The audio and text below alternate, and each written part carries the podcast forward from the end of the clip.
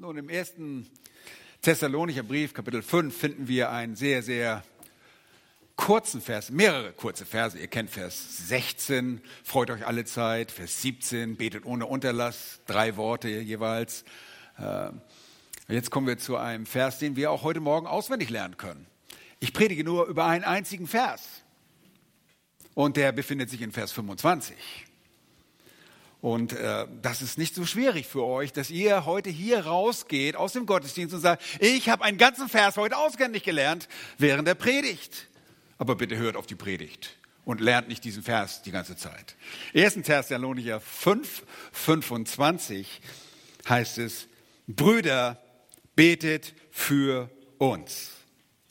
Nun, ich habe schon in der ersten Stunde gesagt, dass wir in der kommenden Woche uns als Hirten, als eure Pastoren zusammensetzen, um Entscheidungen zu treffen, um einfach miteinander mal ungestört und in einer etwas ausgedehnteren Art und Weise zu reden und zu beten.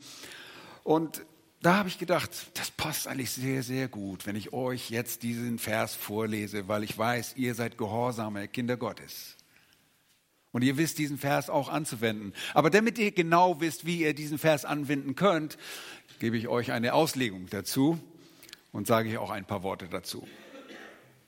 Dieser kurze Vers ist, fließt in diese abschließenden Gedanken des Apostel Paulus, in seine persönliche Nachschrift zum ersten Thessalonicher Brief. Und diese Nachschrift fasst seine Wünsche zum Abschied zusammen und wir konzentrieren uns einfach auf den einen Vers, diesen einen Wunsch. Es sind noch andere Wünsche. Vielleicht können wir noch mehrere Predigt draus machen, aber wir haben schon mehrfach darüber gepredigt. Ihr braucht nur ins Archiv zurückgehen. Pascal hat den Brief ausgelegt. Ich habe schon eine Serie darüber gemacht. Nicht ganz, aber äh, Teile daraus. Wir wollen uns auf diesen Vers konzentrieren. Und das wird nicht sonderlich schwer sein zu verstehen, was damit gemeint ist. Die Bedeutung in diesem Vers kann man wirklich nicht missverstehen, ganz einfach, direkt und unmissverständlich. Die Anwendung allerdings braucht ein bisschen Betrachtung. Damit möchte ich euch hineinnehmen.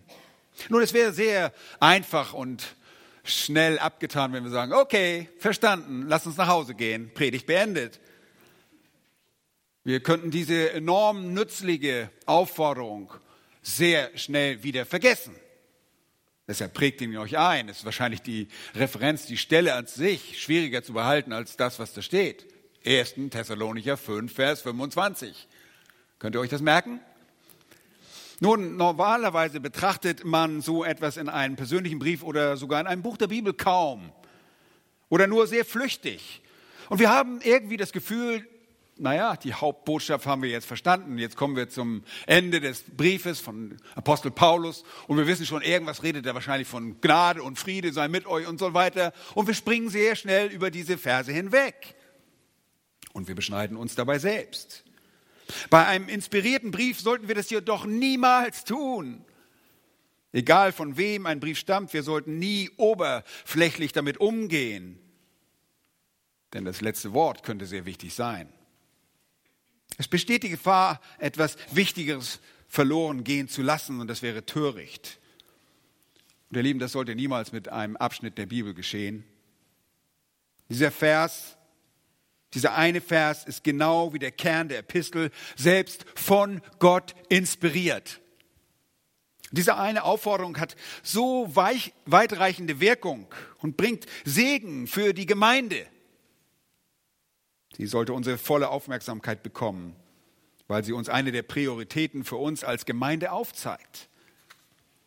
Nun, der ganze Abschnitt hier im Thessalonicher Brief beginnt im Prinzip in Vers 12 und er beschäftigt sich mit dem Aufziehen einer gesunden Gemeinde. Und die letzten Verse sind Teil davon.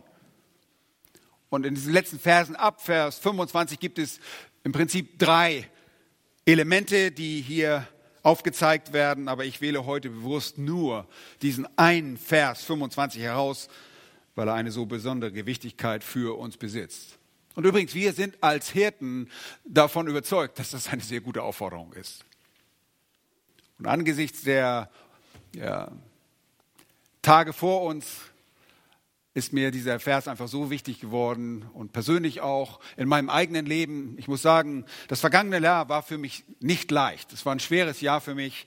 Wahrscheinlich eines der schwierigsten Jahre überhaupt in der Geschichte der Bibelgemeinde Berlin, für mich persönlich. Und es hat mit meinem eigenen Versagen zu tun.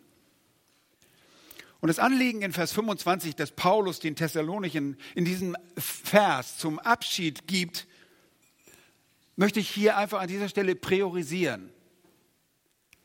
Paulus sagt, Brüder, betet für uns. Und das Thema heute, morgen, sehr einfach. Brüder und Schwestern, betet für eure Hirten. Betet für eure Pastoren. Und das lag dem Apostel Paulus am Herzen und das liegt uns als eure Hirten auch sehr am Herzen. Und ich sehe Pascal und ich sehe Sam und beide nicken. Beide nicken, die haben keine Halskrankheit, aber die stimmen dem zu. Paulus benutzt den Ausdruck Brüder, der in diesem Satz durch eine, seine Stellung betont wird. Und er zeigt damit seine Zuneigung zu ihnen. Er zeigt seine große Zuneigung und er, es identifiziert die Lehrer als Geschwister im Glauben und von Gott als geliebte Brüder. Wir stehen uns sehr nah. Wir alle, die wir zur Gemeinde unseres Herrn Jesus Christus gehören, sind in einer Familie und wir gehören zueinander. Wir sind Brüder im Glauben. Wie er sie in Kapitel 1, Vers 4 auch bezeichnete, geliebte Brüder. Quasi begann er also, indem er sie als wahre Brüder identifizierte und er endet, indem er sie als wahre Gläubige identifiziert. Und der Ausdruck Brüder ist im Prinzip unqualifiziert. Und lässt damit niemanden aus. Er spricht zu allen in der Gemeinde, die ihr Leben Jesus Christus anvertraut haben. Und das ist die Grundlage dieses Gebots. Und es beruht, diese Grundlage beruht auf der Bruderschaft. Eben weil wir Brüder sind, weil wir miteinander verbunden sind, sagt er, sollt ihr für uns beten. Das ist die Grundlage für seine Aufforderung. Nun, Paulus begann seine Epistel, indem er erzählte, dass er ständig für sie betet. Geht nur einmal zurück in das erste Kapitel und dort Vers 2, also 1. Thessalonicher 1, Vers 2, sagt er, wir danken Gott alle Zeit für euch, wenn wir euch erwähnen in unseren Gebeten. Seht ihr, er betete beständig für sie. Und jetzt am Ende wechselt er gewissermaßen die Position und sagt, ich will, dass ihr für uns betet. Und für uns, das ist hier Paulus, Silvanus beziehungsweise Silas und Timotheus, seine Reisebegleiter. In Apostelgeschichte 6, Vers 4 sagen die Apostel, dass der Gottesdiener, der Hirte, der Leiter einer Gemeinde beständig im Gebet und im Dienst des Wortes bleiben soll. Das ist unser Auftrag als Hirten. Wir haben einen Wortdienst, wir haben einen Gebetdienst. Wir beten. Diese Gebete sollen sich auf die Bedürfnisse seiner Leute, die Leute eines Hirten, der Unterhirten, äh, konzentrieren. Und wir wissen, Paulus war dem sehr treu ebenso wie Silas und Timotheus. Und sie haben ohne Zögern und ohne Unterlass, wie er selbst auch auffordert, dazu in Kapitel 5, Vers 17, für die Thessalonicher gebetet. Jetzt bittet er darum, dass sie dasselbe tun mögen. Also sie beten für die Gemeinde, jetzt sagt er, tut das auch für uns. Nun, manche Skripte, Manuskripte fügen hier zusätzlich das Wort Kai äh, auch hinzu, sodass es dann Brüder betet auch für uns heißen würde. Und in diesem Sinne würde das auch passen, was er in Vers 17 schon sagte, nämlich betet ohne Unterlass und schließt uns bei euren Gebeten ohne Unterlass mit ein. Oder es könnte zu Vers 23 passen, wo er für sie betet. Er selbst aber heißt es dort, der Gott des Friedens heilige euch durch und durch. Und er sagt einfach damit, so wie ich für euch gebetet habe, so sollt ihr auch für mich beten. Und wir wissen nicht ganz genau, ob dieses auch dazu gehört, aber es macht letztlich keinen großen Unterschied. Ob da nun vier griechische Worte oder fünf griechische Worte stehen, es sind auch vier, vier deutsche Worte oder fünf deutsche Worte. Das spielt wirklich nicht hier an dieser Stelle einen großen, macht keinen großen Unterschied. Er sagt, ihr müsst für diejenigen beten, die euch als geistliche Leiter vorstehen. Und das Wort beten steht als Befehl in der Gegenwart. Und es fordert somit zu einem anhaltenden, zu einem konstanten Gebet auf. Also nicht nur einmalig. Ja, ich habe gestern für meine Ältesten, für meine Hirten gebetet. Nein, es soll anhaltend geschehen. Und Paulus erklärte damit demütig, dass er und seine Begleiter vom Gebet abhängig sein. Und das ist übrigens eine häufige Aufforderung von ihm, die wir an verschiedenen Stellen im Neuen Testament finden. Wenn ihr die 13 paulinischen Briefe studiert, dann seht ihr dieses Muster. Für Paulus war die gegenseitige gemeinsame Fürbitte von sehr, sehr großer Bedeutung. Und er strebte danach und er schätzte die Gebete der Gläubigen. Und ein gewisser Kommentator sagte einmal sehr treffend, Zitat Beginn, Paulus kannte keine schnellere Methode, das Evangelium in feindliches Territorium zu befördern, als die Rekrutierung von bekehrten Christen zum Dienst des Gebets. Er verließ sich darauf als seine grundlegende Waffe. Zitat Ende. Nun, ein anderer Kommentator machte die interessante Beobachtung, dass die Aufforderung von Paulus, für ihn zu beten, auf den Unterschied zwischen Paulus und Christus hinwies oder hinweist. Der Apostel Paulus betet für sich selbst, schreibt Plummer, das ist dieser Kommentator, und für seine Jünger und er beauftragt sie damit, für sich selbst zu beten und für andere und insbesondere für ihn. Christus betet für sich selbst und für seine Jünger und beauftragt sie, für sich selbst und andere zu beten. Aber, aber er fordert sie nie auf, für ihn zu beten. Wir brauchen nicht dafür beten, dass Jesus ankommt was, oder dass er tut, was er gesagt hat. Wir müssen nicht für Jesus als solches beten. Paulus ist nicht Christus. Christus braucht die Gebete seiner Nachfolger nicht. Heißt das, wenn ich nicht mit ihm beten? Nein, das ist nicht, wir beten nicht für ihn. Er hat nicht die Bedürfnisse, die ein Mensch hat. Es mangelt ihm an nichts. Er braucht nichts. Deshalb fordert er uns nicht dazu auf, für ihn zu beten. Aber Paulus tut das. Jesus ist Gott. Paulus ist Mensch. Das ist nicht der Heilige Geist, das ist nur die Lüftung. Und Paulus ist wie wir und Paulus braucht die Gebete der Gläubigen. Okay, habt ihr das Rauschen hören? Das könnte man ja so auslegen, aber ja. Wollen ja nüchtern bleiben. Aber manchmal tendieren wir dazu, Paulus in unserer Vorstellung für mehr oder weniger unbesiegbar und unbezwingbar zu erklären. Wir denken, dass er jemand ist, der überhaupt in keiner Weise irritiert werden konnte. Wir denken, dass er irgendwie zu allem fähig war. War das? Nein. Leute, das stimmt nicht. Er hatte Schwächen. Und er kannte die Schwachheit seines Fleisches. Seine Fähigkeiten, seine Kenntnisse unterlagen Einschränkungen. Und er kannte Opposition von Feinden, die alle auf ihn angesetzt war, weil er so ein berühmter und bekannter Leiter war. Deshalb, ihr Lieben, ruft er ständig dazu auf, dass man für ihn Fürbitte leisten möge. Nun, jeder von uns, und das schließt mich als eure Hirten mit ein, der sich mit dem Apostel Paulus vergleicht, würde wirklich sehr schlecht abschneiden. Paulus ist für uns alle ein wahnsinniges Vorbild. Und wir tun gut daran, uns daran zu erinnern, dass wenn selbst der Apostel Paulus schon das Gefühl hatte, die Gebete seiner Gläubigen verzweifelt zu brauchen, wie viel mehr brauchen wir dann, Pascal, Sam und Dieter, diese Gebete? Wir brauchen sie. Und das Beten für den Hirten einer Gemeinde ist eine sehr ernste Angelegenheit, die einfach nicht so einfach abgetan werden sollte. Und geht einmal zurück mit mir zu dem Römerbrief Kapitel 15. Da sind Worte, auf diese Stelle werde ich heute mehrmals zurückgreifen.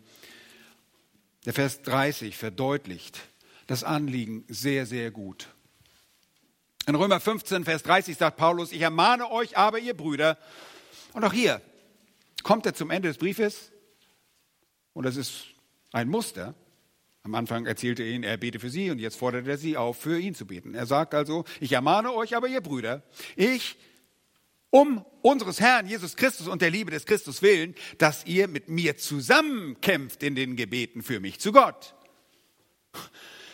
Er ziert sich nicht an sie zu appellieren, mit ihm gemeinsam in den Gebeten für Gott zu, zu gehen und im Gebet zu kämpfen.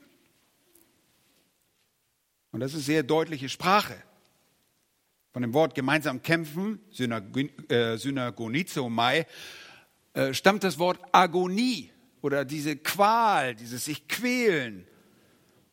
Mit einer Vorsilbe davor, Syn, eine Präposition, die, vor, die dieses äh, Kompositum ausmacht, sie intensiviert das Verb. Übrigens wird dasselbe Verb auch in Johannes 18,36 verwendet, und zwar mit kämpfen wird es dort übersetzt. Er sagt, ich möchte, dass ihr mit mir in euren Gebeten kämpft. Ich möchte, dass ihr gemeinsam mit mir in den Kampf zieht und erkennt, dass das Gebet eure Waffe ist. Und das erinnert an die Worte des Paulus an die Korinther, dass die Waffen unseres Kampfes nicht fleischlich sind, dort im zweiten Korintherbrief, sondern geistlich. Und eine von diesen Waffen ist das Gebet. Das Gebet ist unsere Waffe im geistlichen Kampf und deshalb sagt der Apostel Paulus, ich brauche euch an meiner Seite im Gebet zu Gott für mich. Mann, ist er selbstsüchtig. Nein, was hat er gesagt? Um des Herrn Jesus Christus willen. Nun, wir meinen damit natürlich nicht, dass das Gebet ein Kampf gegen Gott sein sollte, sondern es ist ein Kampf gegen den Status quo, gegen Sünde, unseren gefallenen Zustand des Fleisch und den Teufel. Und ihr erinnert euch vielleicht an 1. Mose 32, äh, als Jakob kämpft. Er kämpft und ringt mit Gott, bis er gesegnet wird. Das ist äh, 1. Mose 32, 27. Und Kolosser 2,1 spricht er vom großen geistlichen Kampf, den Paulus um die Kolosser willen austrug, ein Kampf im Gebet für sie und andere, die ihn noch nicht gesehen hatten. Und dann sagt er in Kolosser 4, Vers 12 von Epaphras, dass Epaphras alle Zeit in den Gebeten für die Kolosser kämpfte. Auch da wird das Verb agonizomai wieder verwendet. Und gerade haben wir erst gehört im Jakobusbrief, Jakobus 5, Vers 16, dass das Gebet eines Getreuen, eines Gerechten vielmehr, viel vermag, wenn es ernstlich ist. Und selbst Jesus betete und fastete für 40 Tage. Paulus sagt also an dieser Stelle im Römerbrief den Römern, ihr müsst für mich mit inbrünstigen, mit einem kämpferischen Eifer beten. Und ihr fragt jetzt vielleicht, wozu ist das notwendig? Warum sollen wir uns da so sehr hineinsteigern? Gott ist doch souverän. Er kontrolliert doch alles. Das hast du uns doch erst letzten Sonntag in der Bibelstunde gesagt, Dieter. Ja, das stimmt. Gott ist souverän. Gott tut seinen Willen, aber dennoch werden wir dazu aufgerufen, einen ständigen, einen sorgfältigen, inbrünstigen, einen eifrigen Kampf im Gebet zu führen, zu kämpfen und gemeinsam als ein Leib im Kampf gegen das Böse und das Fleisch, Satan und die Dämonen und die durchdringende Dunkelheit, die das System der Welt beherrscht, zu ringen. Das ist keine unbedeutende Angelegenheit. Lukas 11 sagte Jesus, dass ihr beharrlich sein müsst in euren Gebeten. Und irgendwie passt dieses Gebet, dieses inbrünstige, inbrünstige, kämpferische Gebet in Gottes souveränen Plan. Und wenn du mich fragst, wie, Dann sage ich dir, ich weiß es nicht.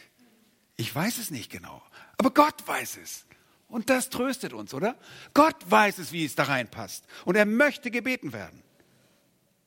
Wir sollen also mit dieser quälenden, kann man sagen, kämpferischen Art und Weise und in einer kämpferischen Art und Weise beten, in unseren Gebeten gegen die Korruption dieser Welt, rebellieren und uns nicht mit dem gegenwärtigen Zustand zufrieden geben.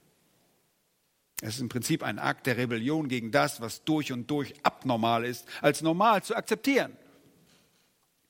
Es ist eine Rebellion gegen den Eindringling jeden Plan, jedes Schema, jede Auslegung, jede Tat, jedes Wort, jede Lüge, die im Widerspruch mit Gott steht. Das ist das Gebet. Und wir stürmen buchstäblich den Thron seiner Gnade und rufen dann aus, Herr, dein Wille geschehe. Dein Wille geschehe. Und wir begeben uns unter den Altar mit den Heiligen im Buch der Offenbarung und sagen, wie lange, o oh Herr, wie lange bevor du handeln wirst? Das ist unsere aufrichtige Frage und demütig warten wir, bis er handelt. Und selbst unser Herr Jesus Christus akzeptierte niemals den Status quo mit passiver Resignation. Und obwohl er die Souveränität gut kannte und selbst besaß und natürlich auch wieder besitzt, Während seines Erdenlebens rebellierte er gegen die geistliche Korruption der Juden, er rebellierte gegen die Macht der Sünde, er rebellierte gegen die Sündhaftigkeit, die am Kreuz auf ihm niederkam und deren Macht sein Leben zu nehmen, gegen die Notwendigkeit, ihre Strafe zu tragen. Und er rief laut und schwitzte sogar große Blutstropfen. Er rebellierte gegen Dinge, die gegen die Heiligkeit von Gottes heiligen Universum verstießen. Sünde und die durchdringende Verderbtheit, die dadurch entsteht und das System durchdringt, widerten unseren Herrn einfach nur an. Und er betete für und strebte nach deren Vereitelung. Er fügte sich nie in irgendein unvermeidliches Ende. Und so werden wir gemäß Paulus aufgefordert, unter Qualen für geistliche Leiter zu beten. Wir werden aufgefordert, uns die Macht des Gebets zu Nutze zu machen, zugunsten von Gottes Reich und dem Dienst berufener Diener, die anstelle von Christus als seine ausführenden Organe, Botschafter und Sprecher stehen und den Kampf gegen das Böse anführen. Wisst ihr, wir sind Hirten, aber wir sind nur Unterhirten. Wir sind seine Diener. Und im Jahr 1811 wurde ein Mann namens Gardner Spring geboren. Er starb 1872 und war Pastor der Brick Presbyterian Church in New York City. Und er schrieb über die Notwendigkeit für alle in geistlichen Führungspositionen inbrünstig zu beten. Und er sagte folgendes Zitat, Beginn. Wir ersuchen die Gemeinden, die großartige Arbeit, der ihre Gottesdiener sich hingeben, mit einem bedächtigeren und gottesfürchtigen Verstand zu betrachten, nämlich die biblischen Lehren zu erklären und die Pflichten des wahren Christentums durchzusetzen. Das ist unsere Pflicht. Die Wahrheit gegenüber all den Spitzfindigkeiten und Vielfältigkeiten von Irrtümern zu verteidigen. In ihrem eigenen Verstand das Gespür für Gottes Gegenwart und jene moralischen Sanktionen, die in seinem Wort offenbar werden, aufrechtzuerhalten und jenen tiefen und empfindsamen Eindruck der Dinge zu erleben, die uns, die ungesehen und ewig und notwendig sind um ihre Predigt Ernsthaftigkeit zu verleihen. So wie das konsequente Leben und Dulden, die notwendig sind, um ihre Predigt Kraft zu verleihen.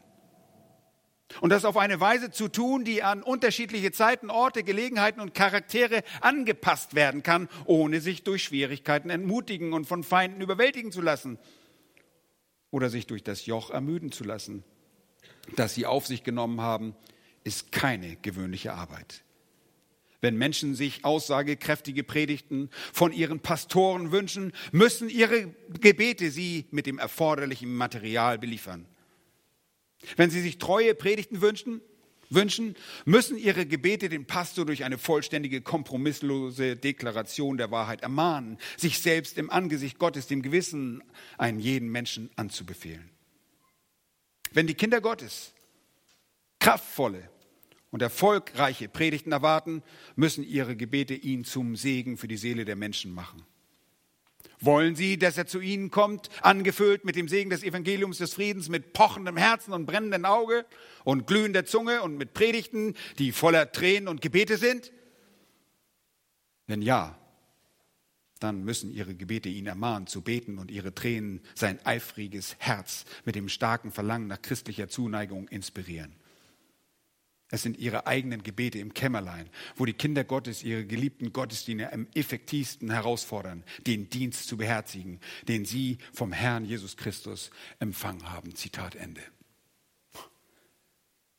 Sehr gut ausgedrückt. Weiter schrieb er, Oh, es ist ein schrecklicher Preis, dass Gottesdiener je die Kanzel besteigen dürfen, ohne vorher währenddessen und nachher von den ernsthaften Gebeten der Gemeinde begleitet zu werden. Wen wundert es, dass die Kanzel so machtlos ist, dass die Kanzel so machtlos ist und die Gottesdiener so oft entmutigt sind, wenn es so wenige gibt, die ihre Hände hochhalten. Die Konsequenz der Vernachlässigung dieser Pflicht wird oft im geistlichen Niedergang der Gemeinden sichtbar und spürbar und wird in der ewigen Verdammnis der Menschen sichtbar und spürbar sein. Würde diese Pflicht hingegen erfüllt, so würden große Mengen in das Reich Gottes versammelt und es gäbe neue Herrlichkeiten für das Lamm, das geschlachtet wurde. Zitat Ende. Lieben, es ist eine ernsthafte Pflicht, für eure Hirten zu beten. Wenn ihr für uns betet, wie Paulus sagt, welche speziellen Anliegen haben wir dann? Ich möchte euch heute Morgen einige nennen. Das war die Einleitung. Jetzt kommen wir zu Punkt 1. Erstens wird in der Schrift gesagt, dass ihr für die Sicherheit eurer Hirten beten sollt. Ganz recht, für die Sicherheit eurer Hirten. In 2. Thessalonicher 3, Vers 1 sagt Paulus, im Übrigen betet für uns, ihr Brüder, damit das Wort des Herrn ungehindert läuft und verherrlicht wird, so wie bei euch. Und dass wir errettet werden von den verkehrten, bösen Menschen denn nicht alle haben den Glauben. Es ist wichtig, für die Sicherheit der Hirten zu beten. Und hier in diesem Text heißt es von verkehrten Menschen. Verkehrt bedeutet pervers oder ungeheuer verdorben, verbogenen Standard. Und wir müssen erlöst werden. Und das Wort bedeutet wirklich gerettet werden. Wir müssen von diesen Menschen erlöst werden, gerettet werden. Verkehrte und böse Menschen sind darauf aus, uns Schaden zuzufügen. Das ist die Wahrheit. Sie sind darauf aus, uns zum Schweigen zu bringen. Und wie wollen sie das tun?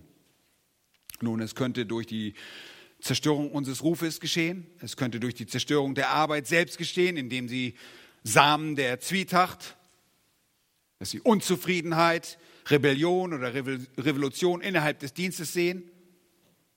Das könnte geschehen, indem sie ein Leben nehmen, indem sie dem Diener des Herrn tatsächlich körperlichen Schaden zufügen und ihn sogar töten. Paulus sagt, betet für uns, damit wir von den ungeheuer verdorbenen Menschen, diesen ungerechten, bösen, ungläubigen Menschen errettet werden. Und wir sind dankbar Offensichtlich habt ihr dieses Anliegen oft vor den Herrn getragen. Uns hat noch keine Fliege was zu Leide getan. Aber bleibt dabei. Noch einmal in Römer 15, der Text, den wir gerade schon gelesen haben. Dort sagt Paulus, kämpft mit mir zusammen in den Gebeten für mich zu Gott. Und dann in Vers 31 sagt er, dass ich bewahrt werde vor den Ungläubigen in Judäa. Und dann fährt er fort. Ich sagt Paulus, muss von den Ungläubigen in Judäa erlöst werden. Und das Wort Ungläubige bedeutet hier einfach nicht wiedergeborene Menschen. Es sind nicht wiedergeboren, sie sind ungehorsame Menschen, sie sind keine Gläubigen, sie sind einfach nicht dem Evangelium freundlich gesinnt. Und das Wort bewahrt ist hier das Wort Ruhmai, und das bedeutet wiederum gerettet. Betet, dass ich von den ungläubigen Juden errettet werde, die dem Evangelium gegenüber feindlich eingestellt sind. Und wir haben das gesehen im Leben des Apostel Paulus. Nur zu dem Zeitpunkt des Schreibens wusste Paulus nicht, was sie tun würden. Später fand er das heraus, dass sie ihn in Ketten legen würden, dass sie ihn inhaftieren würden. Denn der Prophet Agabus kam und sagte es ihm. Aber er wusste, dass sie ihm auflauerten und einen Plan schmiedeten, um ihn zu töten.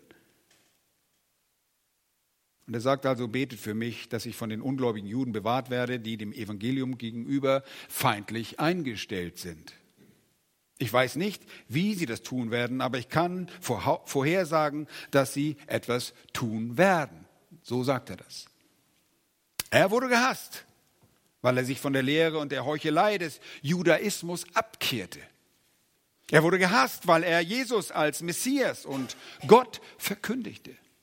Er wurde gehasst, weil er die Gleichheit von Juden und Heiden in Christus praktisch auslebte. Er wurde gehasst, weil er die Freiheit des neuen Bundes statt der rituellen Zeremonie des Alten predigte.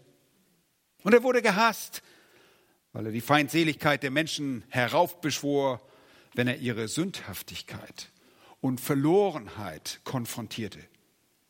Er wurde gehasst, weil er Sündern die überführende Wahrheit über die endgültige Verdammnis erzählte. Oh, Leute lieben das nicht. Sie hören das nicht so gerne. Und als Ergebnis von all dem hassten sie ihn einfach nur. Was erfüllte sich damit? Das Wort Jesu, der sagte was? Sie haben mich gehasst, wundert euch nicht, wenn sie euch auch hassen. Und sie hatten üble Pläne für ihn. Paulus hatte schon lange zuvor Feinde angehäuft und diese Art von Hass stirbt wirklich nur schwer, wenn sich die ganze Unterwelt der Dämonen und Satan ihm nähert, die alle das Ende des Apostels anstrebten. Wir wissen, dass der Satan ein Mörder von Anfang an war und ist. Er wurde geschlagen, wo immer er hinging. Das ist erstaunlich.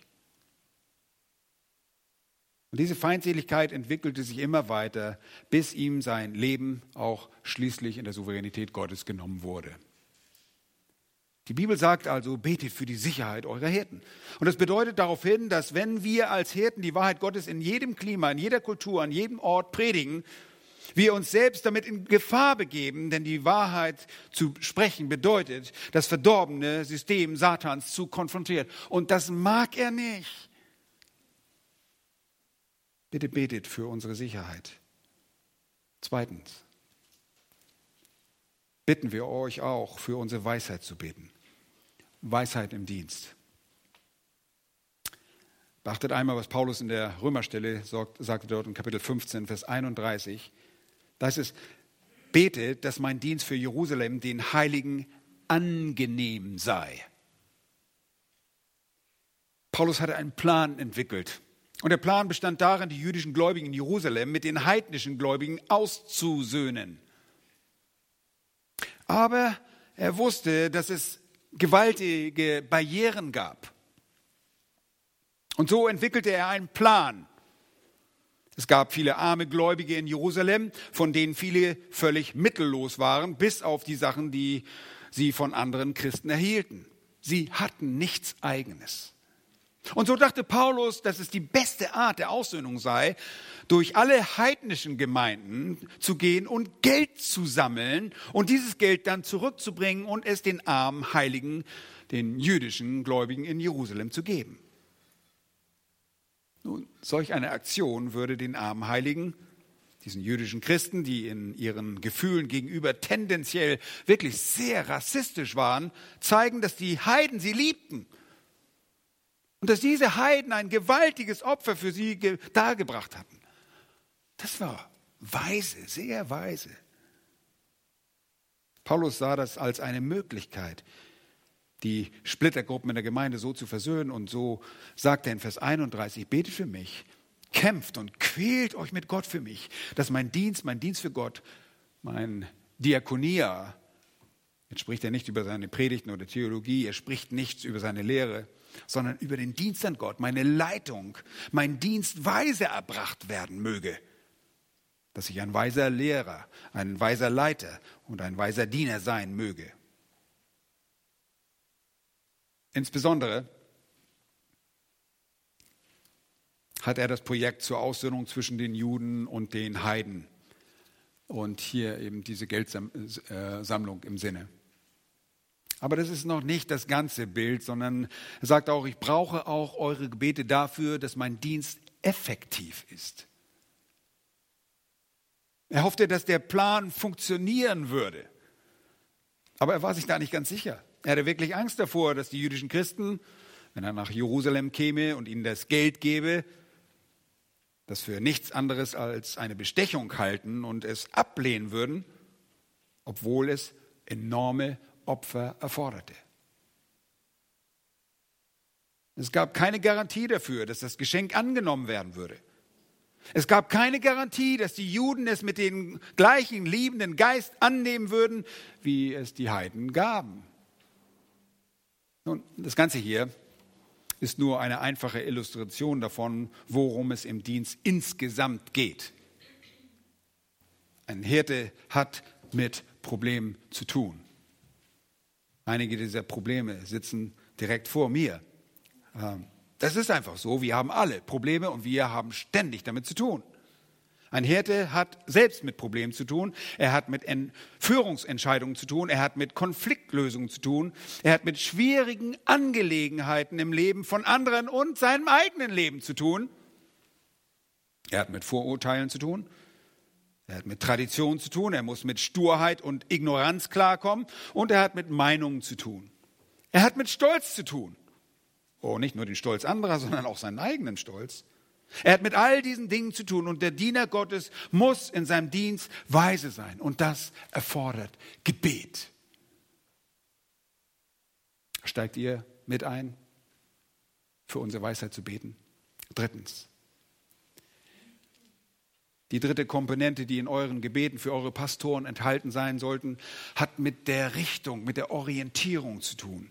Wir müssen immer Entscheidungen über die Zukunft treffen, darüber, wie wir unsere Zeit verwenden oder wie wir die Gemeinde leiten, in welche Richtung wir gehen. Und ihr könnt es auch Priorisierung nennen oder Prioritäten nennen. Und die Frage stellt sich, was werden wir tun? Welche Angelegenheit widmen wir uns in den nächsten Wochen? Im nächsten Monat. Ja, wir fragen, Herr, was sollen wir jetzt lernen? Was ist dran? Wir versuchen gewissermaßen den Puls der Gemeinde zu spüren und zu sehen, was ist dran. Und dafür müssen wir die richtige Orientierung, die richtige Richtung, ganz hast du gut gesagt, ja, äh, ein, eingehen. Wo werden wir sein? In der nächsten Woche, im nächsten Monat, im nächsten Jahr? Wo werden wir in fünf Jahren sein? Oh, das ist doch noch viel zu weit gedacht. Nun, das glauben wir nicht. Wir müssen weise sein. Römer 15 wieder, Vers 32 sagt Paulus genau das. Hier ist noch etwas, wofür ihr beten sollt. Ich möchte, dass ihr dafür betet, dass ich mit Freuden zu euch kommen kann durch Gottes Willen und mich zusammen mit euch erquickte. Ich möchte, dass ihr für meine künftigen Pläne betet. Eine Vorstellung ist, dass ich zu euch kommen möchte. Ich brauche die Ruhe und Erholung, die ihr mir bieten würdet. Ich möchte in Freude kommen, aber ich weiß, dass ich nur das tun kann, was der Wille Gottes ist. Ich möchte, dass ihr dafür betet, dass ich Gottes Willen erkenne. Ich möchte, dass ihr dafür betet, dass meine Pläne mit Gottes Plänen übereinstimmen. Das ist alles. Das war sein Anliegen. Seht ihr, er sagt, betet für meine Sicherheit, betet für meinen Dienst, betet für die Richtung meines Lebens, wenn ich mich entscheiden muss, wohin ich gehe und was ich tue. Paulus hatte und machte Pläne wie jeder andere auch. Und er wollte, dass diese dem Willen Gottes entsprachen. Und deshalb bat er um ihre Gebete. Vielleicht denkt ihr jetzt, wie übrigens viele über, das, über Paulus denken, dass er eine gewisse Transzendenz in Bezug auf den, dass es eine gewisse Transzendenz in dem Leben von Paulus gab oder in dem Leben eines Dieners. Dass wir irgendwie über euch stehen Das bedeutet, dass seine Gebete in eurer Vorstellung wahrscheinlich viel, viel effektiver sind als euren. Es gibt Leute, die kommen und sagen, ich möchte, dass du für mich betest. Deine Gebete sind wirkungsvoller als die von irgendjemand anderes sonst. Warum? Warum glaubt ihr das? Nun, zum einen habe ich euch das erzählt, wie im Jakobusbrief, dass die Schwachen die Starken rufen sollen, damit sie über ihn beten. Aber das ist nicht immer unbedingt der Fall. Nur weil ich oder wir eine bestimmte Gabe und Berufung haben, macht mich das nicht automatisch, macht uns das nicht mehr geistlich. Das ist ein Trugschluss. Wie ich es immer wiederhole, ich befinde mich nicht in puncto Geistlichkeit in einer anderen Liga. Das ist nicht wahr. Es ist das wirksame, inbrünstige Gebet eines gerechten Mannes oder einer gerechten Frau, das viel bewirkt und nicht unbedingt nur eines jeden vollzeitigen Dieners. Wir brauchen eure Gebete. Eure Gebete, genau. Ihr, die hier sitzt.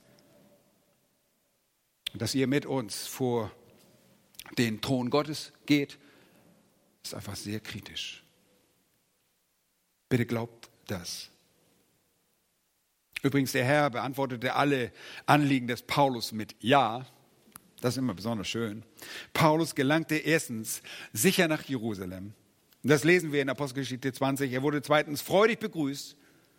Es gab einen herzlichen und einen wunderbaren Empfang, als er dort ankam. Und dadurch drittens war sein Dienst auch effektiv. Und er schaffte es auch nach Rom und war dort in Freude und wurde erquickt im Willen Gottes bei ihnen zu sein. In Apostelgeschichte 22 bis 28 erfahren wir, wie die ganze Geschichte ausgeht. Es ist einfach wunderbar zu sehen, wie Gott die Geschwister braucht im Leben des Apostel Paulus. Paulus bat also, betet für diese Angelegenheit, auch meine Sicherheit, meine Weisheit, meine Richtung. Viertens, die vierte Komponente, für die ihr beten müsst, ist unsere Effektivität bei der Verkündigung. Ich sage es nochmal, unsere Effektivität bei der Verkündigung sollte der Inhalt eurer Gebete sein. Ganz recht. Ihr müsst für unsere Effektivität bei der Verkündigung beten. In Epheser 6, Vers 19 sagt Paulus, betet auch für mich, damit mir das Wort gegeben werde, so oft ich meinen Mund auftue, freimütig das Geheimnis des Evangeliums bekannt zu machen, für das ich ein Botschafter in Ketten bin, damit ich darin freimütig rede, wie ich reden soll. Ihr müsst dafür beten, dass wir als eure Hirten bei der Verkündigung effektiv sind. Vergessen wir nicht, dass Paulus ein Gefangener war als er das schrieb. Er sagte nicht, oh, bitte betet für meine wundgeschorenen oder wundgescheuerten Knöchel, die durch diese eligen, elendigen Fußfesseln so schrecklich bluten. Er sagte nicht, betet für meine Heilung, betet sofort für meine Freilassung. Nein, das sagt er nicht. Er sagte nicht, ich werde misshandelt. Bitte betet, dass ich nicht misshandelt werde. Bitte betet, dass mein Leiden ein Ende findet. Nein, das sagte alles nicht. Er wollte keine Gebete für diese Dinge. Er sagte, betet, dass ich das Wort Gottes freimütigen, freimütig verkündigen möge. Und die Ketten und das damit verbundene Leid waren ihnen nebensächlich, vollkommen nebensächlich. Und dann seht noch einmal in Kolosser 4, ihr müsst nicht da unbedingt hingehen, aber Kolosser 4 und Vers 2. Dort sagt er, seid ausdauernd im Gebet und wacht darin mit Danksagung. Und hier ist es, wofür gebetet werden soll. Während er gleichzeitig für uns betet, was ist das Anliegen? Da sagt er, damit Gott uns eine Tür öffne für das Wort, um das Geheimnis des Christus auszusprechen, um dessen Willen ich auch gefesselt bin, damit ich es so offenbar mache, wie ich reden soll. Das sagt er zweimal. Meint ihr, das ist wichtig? Ja, das ist wichtig. Betet für eine offene Tür, für das Wort. Und wenn diese Tür geöffnet ist, dass ich das Wort offen verkündige. Wisst ihr, manchmal haben wir offene Tür, aber wir reden einfach nicht. Selbst wir als Hirten. Und ein anderes Wort ist freimütig. Das ist es. Betet dafür, dass die Tür sich zur Verkündigung öffnet und wenn sie sich öffnet, dass ich so spreche, wie ich es tun sollte. Was ist das? Laut Epheser 6 freimütig. Laut Kolosser 4 klar. Das heißt freimütig und klar. Betet dafür. Geht einmal in den zweiten Thessalonicher Brief und dort in Kapitel 3, Verse 1. Und ja, in Vers 1. Da sagt er, im Übrigen betet für uns. Schon wieder. Mann, ist der egoistisch. Der redet, der will nur, dass für ihn gebetet wird. Nein, es ist. Ihr wisst, warum er das tut. Betet für uns, ihr Brüder, damit das Wort des Herrn ungehindert läuft und verherrlicht wird. Wer soll das machen? Das machen primär eure Hirten. Nicht ausschließlich, aber das müssen wir tun. Was für ein fantastisches Vorbild das ist. Verfolgt bitte einmal seinen Gedanken. Während er über diesen Punkt der Verkündigung spricht, sagt er zuerst, wir sollen dafür beten, dass sich die Tür öffnet. Was bedeutet das? Betet, dass ich eine Gelegenheit habe, das ist die Tür öffnen. Und zweitens, wenn diese Gelegenheit sich bietet, betet, dass ich so sprechen werde, wie ich es tun soll. Und die Art und Weise, wie ich sprechen sollte, die sollte frei und klar sein, freimütig und klar.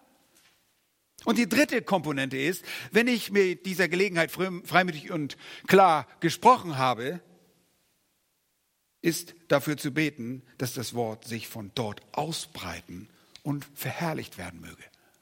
Das kommt danach. Und was bedeutet das? Das ist die richtige Reaktion, dass Menschen es ehren werden, dass sie es verherrlichen werden, indem sie das Wort befolgen.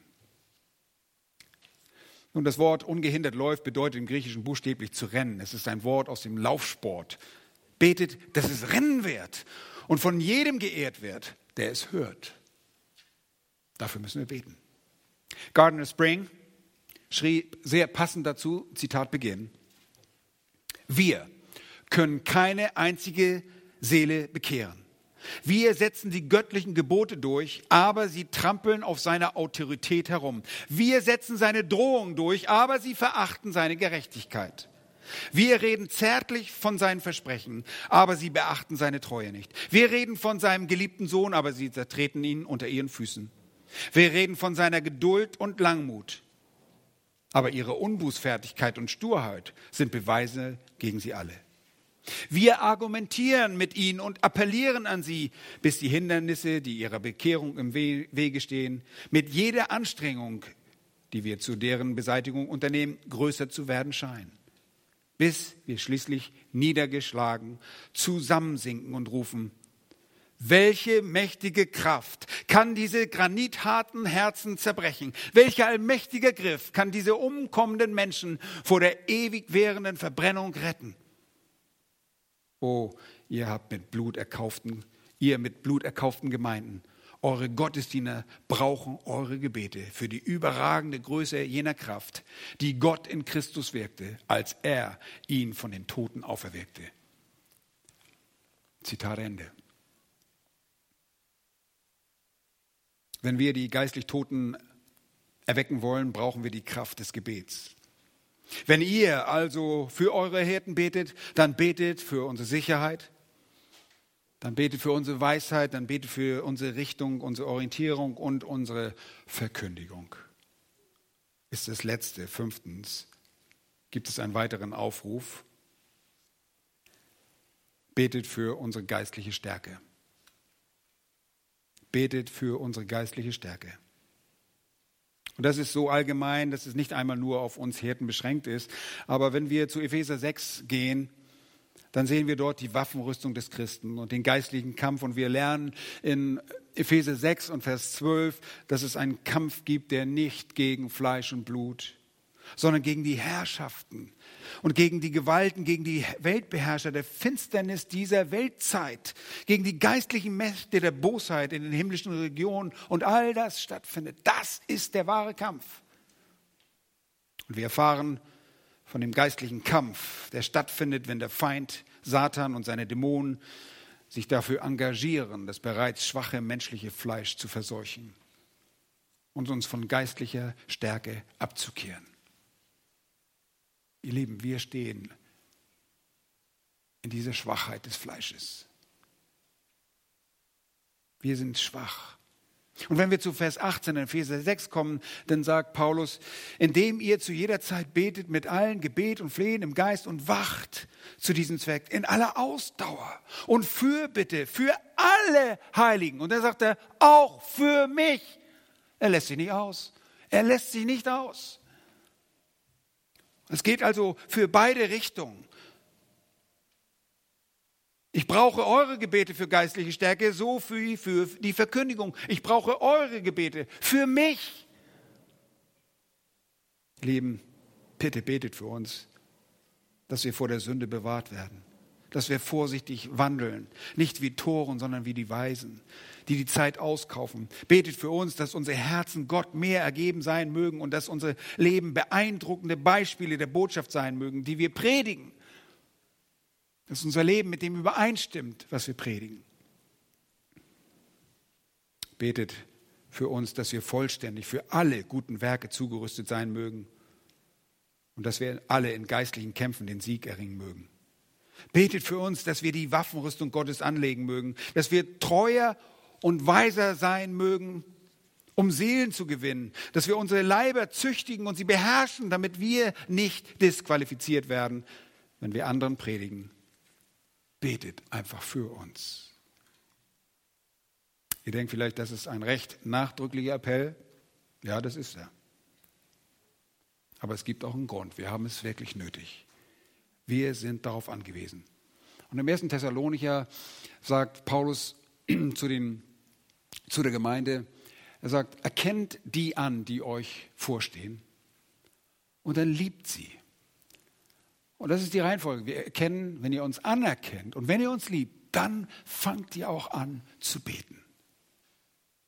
Dann fangt ihr an zu beten. Und das, ihr Lieben, dieses Gebet ist Teil einer gesunden Gemeinde.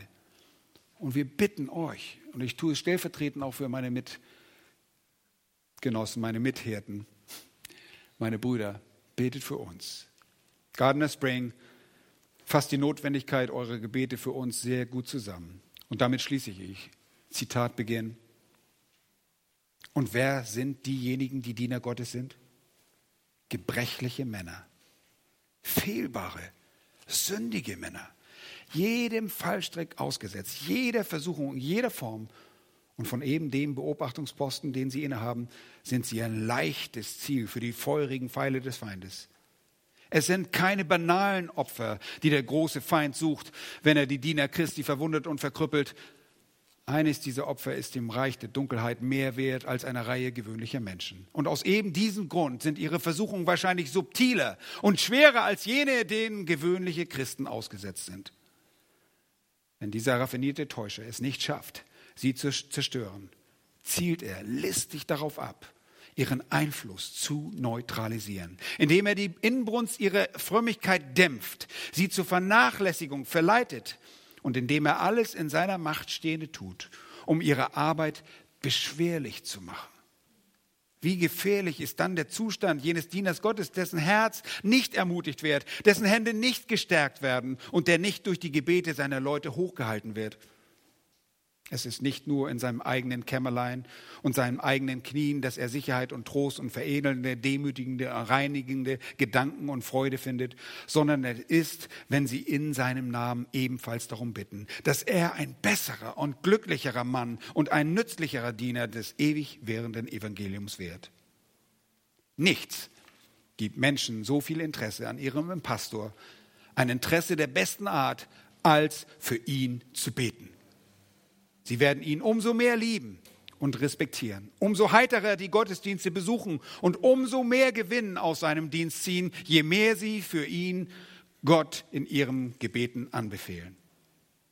Sie fühlen ein umso innigeres Interesse an seiner Arbeit, je mehr sie für ihn beten. Und ihre Kinder empfinden ein innigeres Interesse für ihn und seine Predigten, wenn sie regelmäßig Fürbitten hören, die ihn liebevoll dem Thron der himmlischen Gnade anbefehlen. Zitat Ende.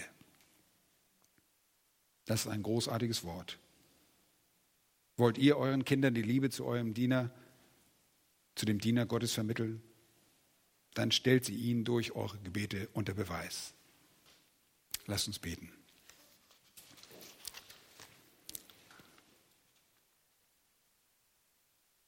Herr, wir sind dir so dankbar dafür, dass du uns alle nicht behandelst nach unseren Missetaten, dass du uns begnadigt hast und dass wir mit einer anhaltenden Gnade umgeben werden. Und Kraft dieser Gnade und Kraft dieser Liebe, die du uns gegenüber zum Ausdruck bringst, können wir vor den Gnadenthron kommen, mit dir ständig im Gespräch sein, dir unsere Abhängigkeit zum Ausdruck bringen. Herr, wir als deine Hirten wissen das. Wir brauchen dich.